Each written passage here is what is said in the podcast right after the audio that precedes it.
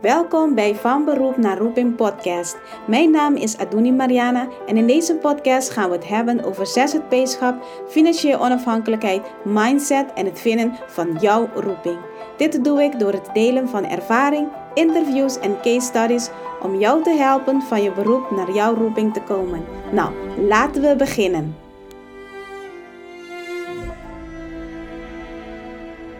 Hallo, hallo.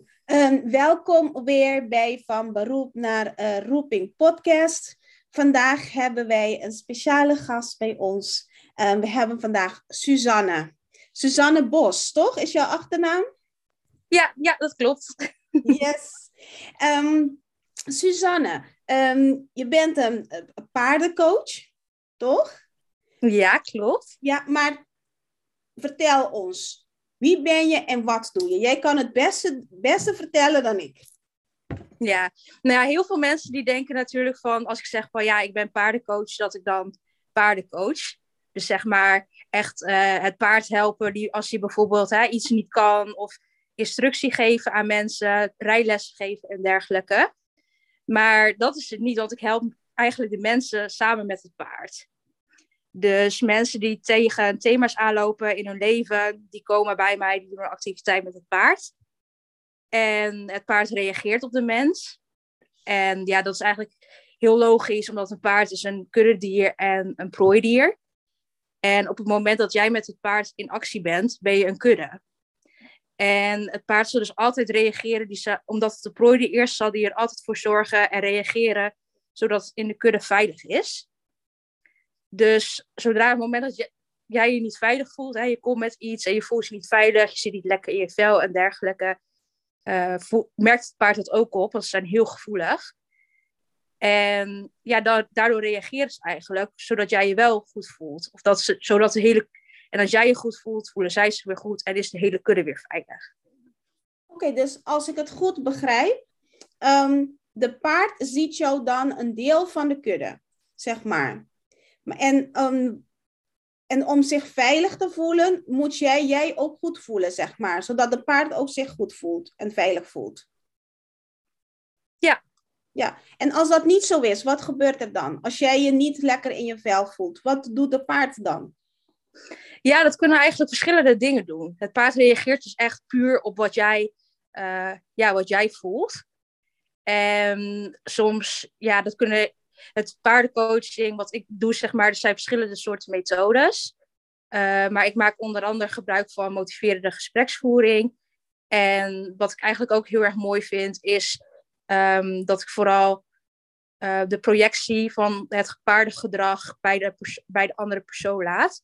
Dus dan wordt het ook heel erg puur vanuit jezelf. En dan kan ook de eigen autonomie van de uh, coachie of van de cliënt bewaard blijven, zeg maar. Dus ik ga geen paardengedrag interpreteren, maar mensen projecteren het paardengedrag zelf. Oké, oké. Dus het paard kan bijvoorbeeld, ik had het laatste keertje, um, had iemand, uh, die had zeg maar zijn pad uitgelegd van waar, waar uh, die nu is en waar hij naartoe wou. Um, en toen had ze een streep gezet nog hè, voor een volgende stap. En het paard die stapte letterlijk over die streep. En dan vraag je dan, hey, wat, hè, wat, wat gebeurt daar? Wat zie je? Het paard stapt over de streep. Wat doet dat met jou? Uh, wat gebeurt daar? Hoe zie jij dat? Wat, ja. Hmm.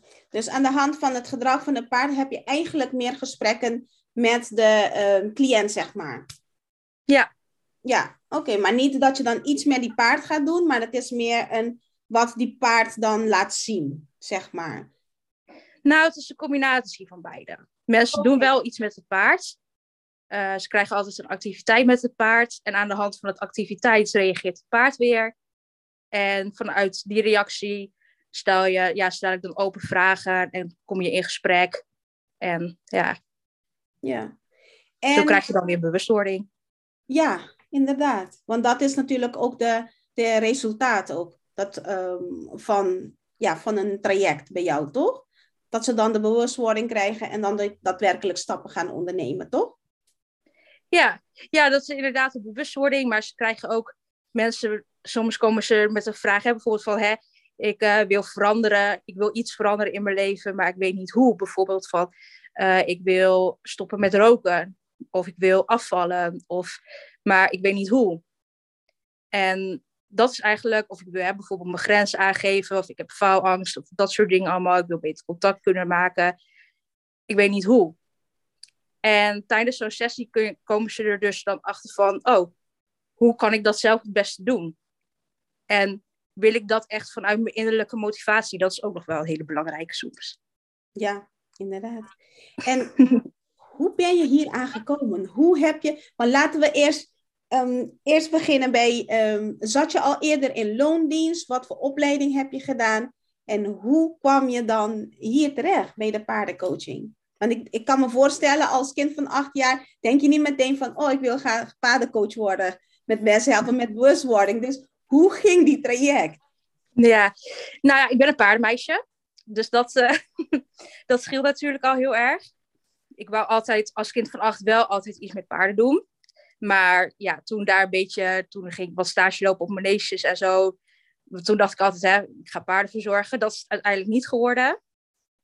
Um, en toen deed ik maar studie voor maatschappelijke zorg. En um, ik ben natuurlijk dus een paardenmeisje, dus ik weet, ik, had toen, ik heb een eigen paard, dus ik weet ook, uh, als ik niet lekker in mijn vel zit, dan gaat het ook niet goed met het trainen van mijn paard. Dus ja, doordat ik een paardenmeisje ben, heb ik daar, kwam ik daar zelf al wel achter. En toen had ik een kans gekregen om stage te lopen. Op een zorgboerderij was dat. En zij deden ook aan paardencoaching. Dus daar zag ik ook heel erg dat het ja, werkt voor mensen, zeg maar. En dat vond ik gewoon heel interessant. Want ik miste toen op dat moment bij mijn opleiding maatschappelijke zorg, miste ik heel erg uh, de autonomie van de cliënt bewaren, zeg maar. Mm. En dat vind ik gewoon heel erg belangrijk. Uh, ik vind het gewoon belangrijk om de autonomie bij iemand anders te laten. En ja, dat is wel een van mijn, hoort ook bij mijn normen en waarden. Uh, dus dat miste ik heel erg. En ja, ik was naar, op zoek naar iets waar dat wel meer tot zijn recht kwam. Want daar voel ik me ook gewoon prettig bij.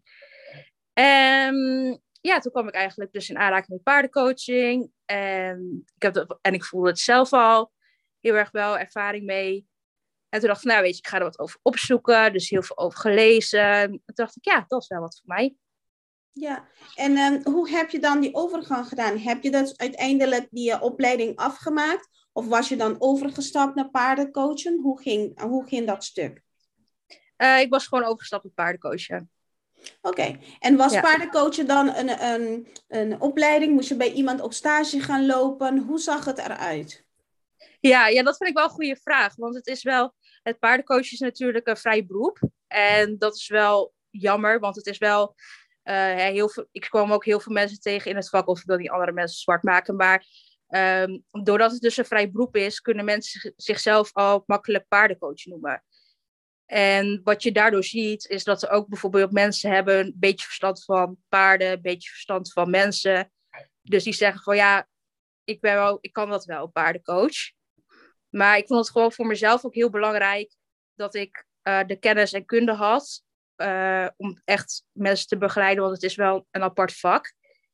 En ja, je zit gewoon soms in thema's en dat raakt ook mensen ook diep. Dus ik vind ook uh, dat je daar niet, als je daar geen kennis en kunde voor hebt, zeg maar, dan kan je het alleen maar meer kapot maken dan dat je er goed aan doet. Ik zeg ook altijd van ja, ik zal niet naar een rechter gaan, bij wijze van spreken, als ik die nodig heb. En ja, je denkt van iemand heeft met een paar keer een wetboek gelezen, zeg maar. Ja, juist. juist. Dan ga je ook liever naar een rechter die daar verstand van heeft. Ja, juist. juist. Ja, dus dat, dus dat vond ik wel belangrijk. En ook juist omdat het zo vrij, vrij beroep is. En, uh, ja, en omdat ik dus ook vind dat je niet uh, met thema's aan de gang moet gaan van mensen. Want het is best wel, kan soms heel heftig, emotioneel zijn. En je moet daar gewoon voor zowel de mens als het paard. Dat is ook mm-hmm. heel belangrijk daarin.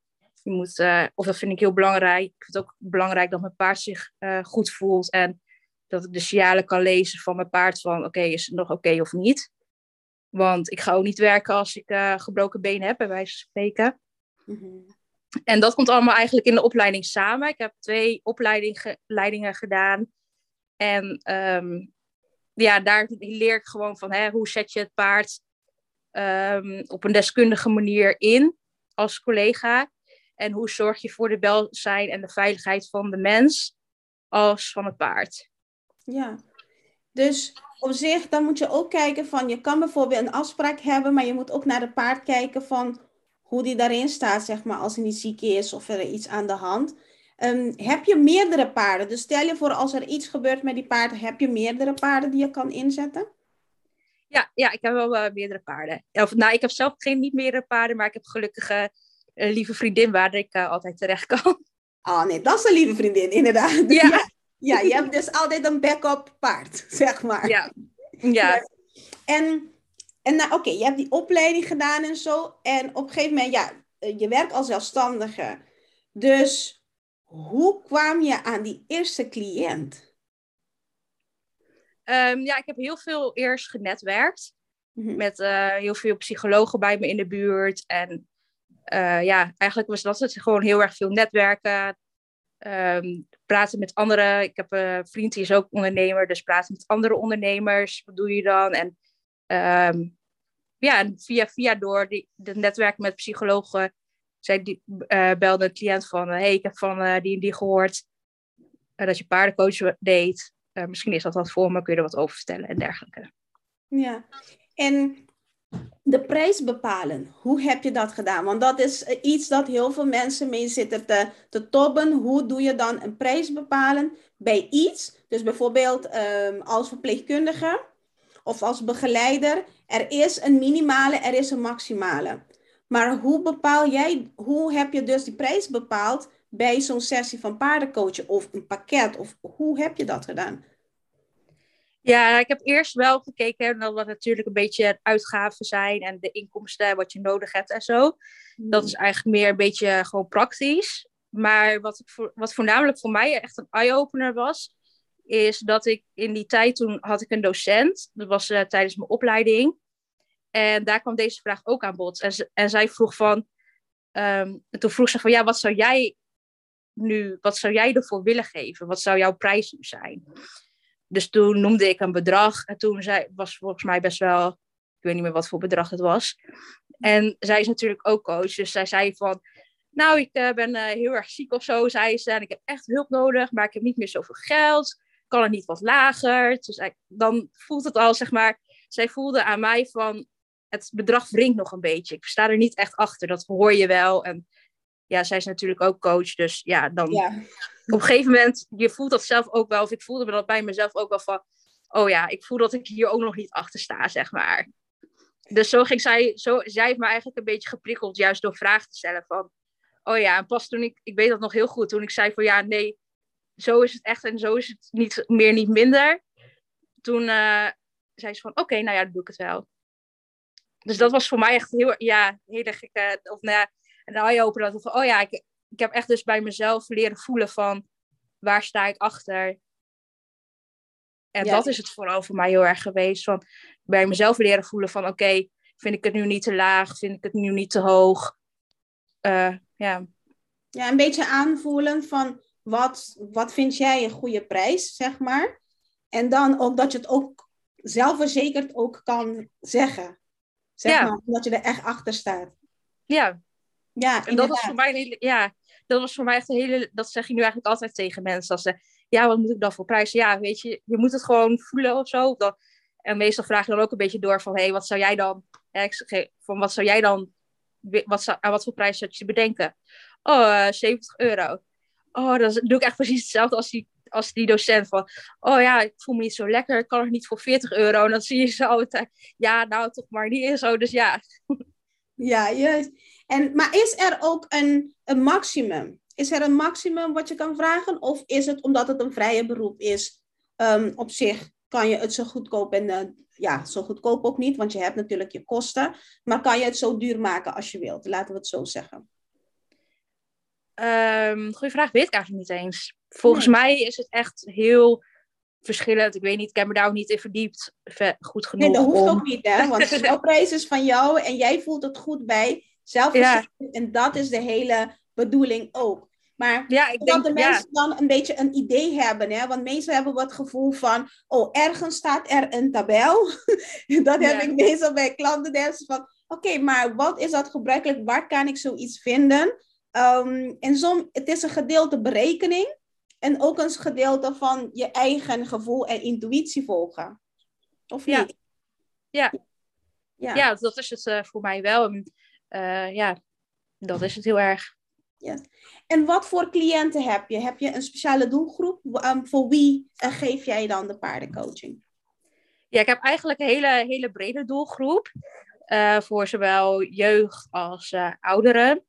Alleen niet echt, niet echt kinderen, zeg maar. Want dat is het nog een beetje, nog een beetje te jong voor die, ook die motiverende gespreksvoering, zeg maar. Dat is best wel, ja, dat is voor dat kan wel natuurlijk, maar dat is nu uh, heb ik daar ook nog niet de ervaring genoeg voor en de kennis en de kunde. Um, dus ik doe vooral jongeren en ouderen. En ik ben ook bezig met, uh, met ouderen met uh, de dementie. Want dat vind ik gewoon heel. Mijn oma die is, heeft, heeft diezelfde ziekte. Die reageert. Mijn ouders hebben een hond. En ze reageert eigenlijk altijd heel leuk op die hond. Dus ja, dat vind ik zo bijzonder. En dan denk ik, oh ja, dan, trek, dan kan je juist ook, en ik vind het heel belangrijk om te werken vanuit mijn passie. En omdat het natuurlijk ook wel dichtbij ligt voor mij, uh, ja, vind ik dat ook heel erg mooi. Ja, en dan en die ouderen, um, zijn ze dan bij een instelling? Ga je daar naartoe met een paard of komen ze naar jou toe met een paard? Hoe ziet dat eruit? Nee, ik ga daar niet naartoe met mijn paard. Dus ze moeten wel echt, uh, echt bij mij komen. En uh, ja, dus, en dat hangt er dan een beetje vanaf. Ze komen dan bij mij en dan, uh, nou. Eigenlijk komt iedereen altijd bij mij. Het is niet uh, dat ik... Uh... Dat je nergens naartoe gaat. Je, de mensen komen bij jou bij de manege, zeg maar. Ja. Oh, dat is wel mooi. En, ja. uh, en hoe lang doe je dit al? Um, ik doe het nu twee, drie jaar, zoiets. Zo, dat is wel best een tijdje. En je kan er goed van leven. Of korter, ik weet niet. Ik heb echt geen tijd voor Nee, je doet gewoon je passie. Is dit jouw roeping? En dat is dan de, de vraag ook, de, de hele belangrijke vraag ook meestal van deze afleveringen. Is dit jouw roeping? Ja. Ja, ik hoop, ja, ik hoop dat uh, als je... Ja, ik hoop dat mensen, als, als ik erover praat, dan straal ik het ook wel uit, denk ik. Ja, ja zeker, uh... ja, zeker. Daarom is de vraag, is dit jouw roeping? Ehm, ik ben van mening, of uh, ja, het is gewoon een mening hoor, maar ik ben van mening dat je niet één roeping hebt. Of sommige mensen wel, hebben maar eentje hele leven door. Maar sommige mensen hebben al andere gasten gehad. En die, die, ze groeien, zeg maar. En dan hebben ze weer iets anders daar waar ze naar geroepen voelen. Ik ben ook zo eentje. Elke keer heb ik iets misschien dat waar ik me naar geroepen voel. De laatste tijd is het wel meer in de diepgang. Maar ik kan me voorstellen bij jou ook. Je had eerst eigenlijk een andere opleiding in, jou, in jouw hoofd. Je ging het ook doen. Maar het is ook met mensen werken en ook mensen helpen. Maar gaandeweg had je dus um, de paardencoaching tegengekomen. En dacht van, hé, hey, dit lijkt me meer wat. En dan voel je je weer geroepen om dat te gaan doen. Ja, nou het grappige is dus wel inderdaad, ik heb echt, ik begon zeg maar bij fotografie. En oh, dat is heel wat anders. En op een gegeven moment dacht ik, het werd ook heel, het werd veel te technisch en zo. En ik vond dat, ik vond dat technisch allemaal niet zo interessant. Ik merkte van, oh ja, ik vind het gewoon leuk om mensen die bij mij te komen, modellen die dan heel erg onzeker zijn, om hun op mijn gemak te stellen. En ik was gewoon veel meer bezig om de modellen die onzeker waren, uh, op hun gemak te stellen. En uiteindelijk een leuke foto mee te geven, zodat ze dan trots op zichzelf waren. En op een gegeven moment dacht ik van, hmm, volgens mij is het niet meer de fotografie die ik zo interessant vind. Maar de mensen. Ja, juist. De, ja, foto's maken was een middel, maar je weer meer de mensen begeleiden en ja. coachen, zeg maar. Ja, ja. ja. En um, wat zijn de, de plannen voor de toekomst? Ja, ik ben nu bezig met een, uh, met een opleiding tot trainer, zeg maar. Dus dan uh, ga ik nieuwe paardencoaches trainen. Dus dat is, daar heb ik echt heel veel zin in. Echt superleuk. Echt kan ik me aansluiten bij een superleuk, gezellig team. En um, ja, ik hoop, ik, wat, ik, wat ik fijn vind is dat ik gewoon mijn passie kan uitdragen. En um, ja, dat ik mijn werk gewoon kan doen. Dat ik ervan, ja, dat ik gewoon het werk kan doen waar ik gelukkig van word. dat is eigenlijk mijn plan en daarvan kan leven. Ja, ja, zeker weten. En dan al wanneer je trainer bent, dan geef je dan ook de coaching en je kan ook andere paardencoaches dan ook trainen. Dus ja, oh, dat klopt. is wel een heel mooie combinatie. Heel mooi. Ja. ja. Ja. En ehm, zoals, zoals ik nu hoor, hè, je, je volgt gewoon wat op jouw pad komt en je doet gewoon wat jij leuk vindt. Ehm, hoe kan je dit, wat voor tip kan je aan andere mensen geven die ehm, wel voelen dat ze iets willen doen, iets anders willen doen of een andere richting op willen, maar het niet durven? Ehm, wat voor tips zou je mee kunnen geven? Mm. Ja, dat is een goede. Eigenlijk gewoon doen. gewoon het lef hebben om te doen. Wat heeft voor jou gewerkt? Wat zeg jij tegen jezelf? Wat, ehm, ja, wat is die stappenplan? Misschien is het een fractie van seconde dat die vijf stappen bijvoorbeeld gebeuren. Maar uh, wat, uh, wat werkt voor jou? Dat je zegt oké, um, oké, doen. Maar wat gebeurt er ervoor voordat je gaat doen? Mm.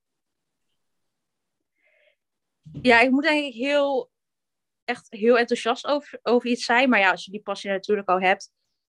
Ja, ik... Mm, ja, gewoon dat. Ja, als je dat voelt. Ja, ik ben altijd, ja, ik ben altijd zeg maar gewoon ook iemand die als ik gewoon echt passie heb en voel, dan doe ik dat gewoon. En ja, ik weet niet. En dan zie je wel wat eruit komt. Ja, en ik denk, ik denk dat er lef voor nodig is of zo. Ik heb dat gewoon lef hebben om dat te doen en niet uh, alle beren op de weg zien. Ik denk dat is het. Niet alle beren op de weg zien. Je zal je hersenen niet de tijd geven om allemaal excuses en uh, redenen ervoor te gaan bedenken. En erop zitten, uh, erop zitten en dan komen al die, uh, wat zeg je, de piekergedachten komen dan omhoog. Je gaat ja. zo snel in actie dat je dat, je hersenen dat niet de kans geeft. Ja, ja, en ja, ja, inderdaad gewoon denken van, nou weet je, die, die gedachten, hè, zoals het piekeren, dat gewoon er wel, ik, die, mogen, die kunnen er ook zijn, dat is heel goed.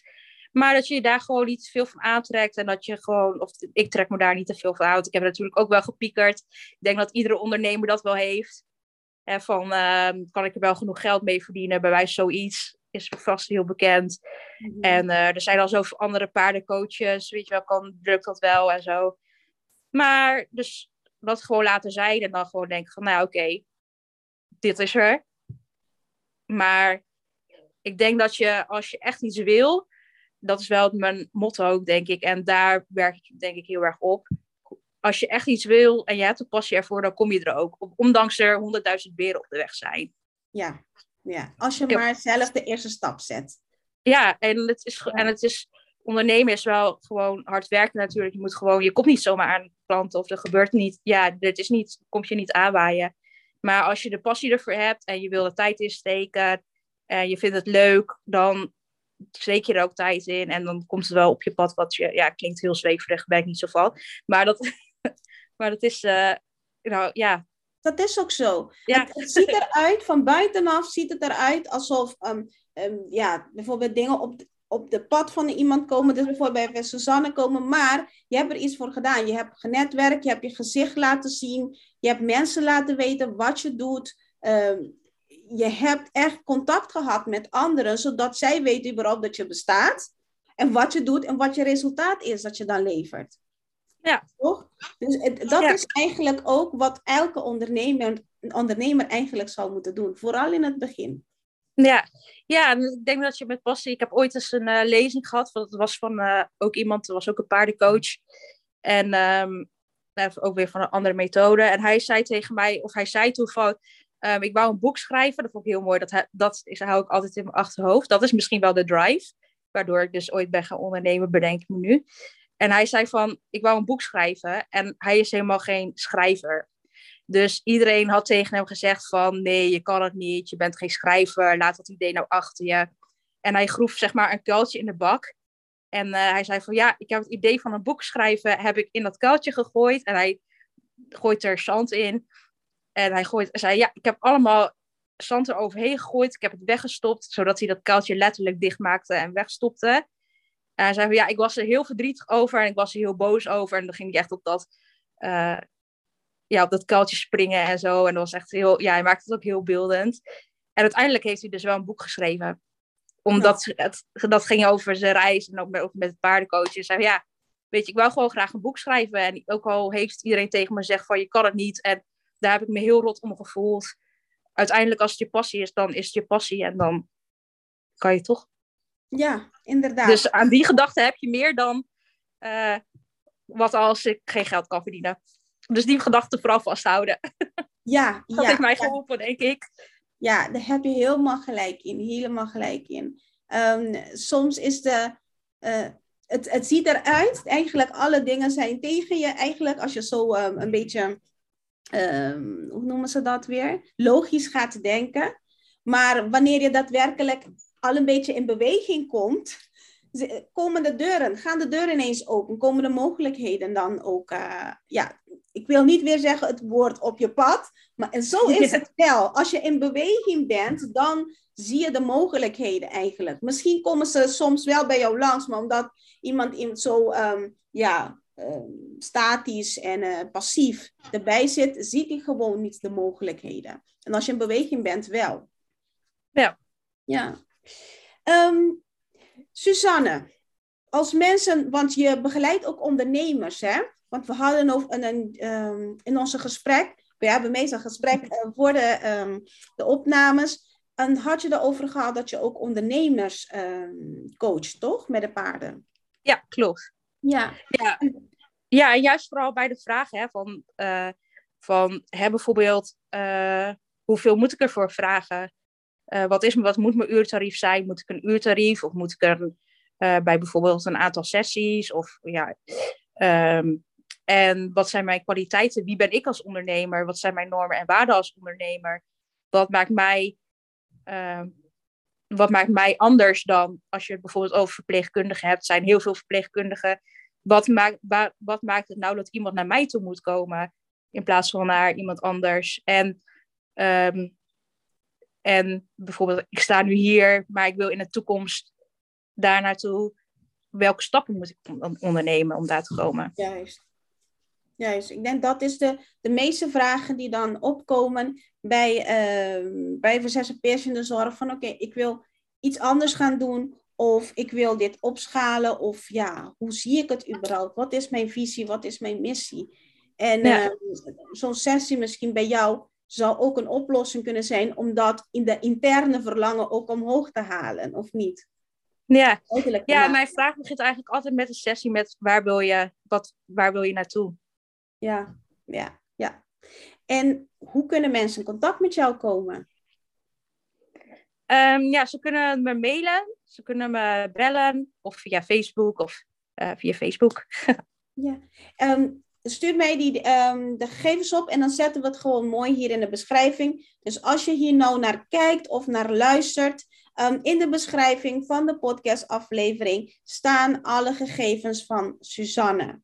Ja, dus yes. als je denkt van Suzanne is iemand die mij kan helpen met haar paard of die van haar vriendin, dan uh, ben je van hartstikke welkom bij Suzanne en kan je contact opnemen met um, via de telefoon, de e-mail of via Facebook. Yes? Ja. Suzanne, yes. um, is er nog iets dat je nou um, wilt zeggen tegen de mensen die luisteren of die hier naar kijken? Mm. Nou, vooral ja, ga gewoon uh, doen wat je, waar je blij van wordt. Volg je passie, want daar, uh, daar wordt je leven veel leuker van. helemaal waar, helemaal waar.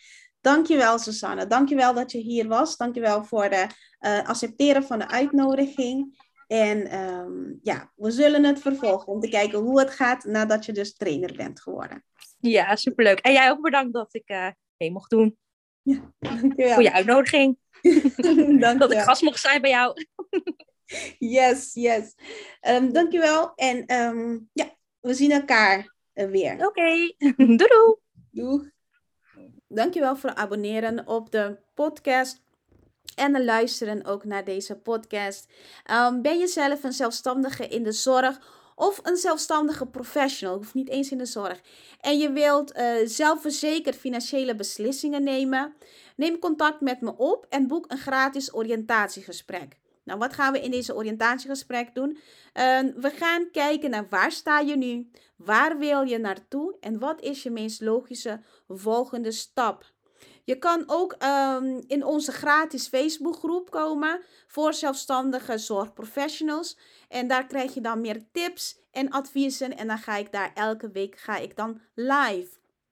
Alle informatie vind je in de beschrijving met uh, link naar de oriëntatiegesprek, uh, link naar de Facebookgroep en ook de uh, links voor de informatie van, um, ja, van de persoon die we dan hebben geïnterviewd. Nou, tot volgende week.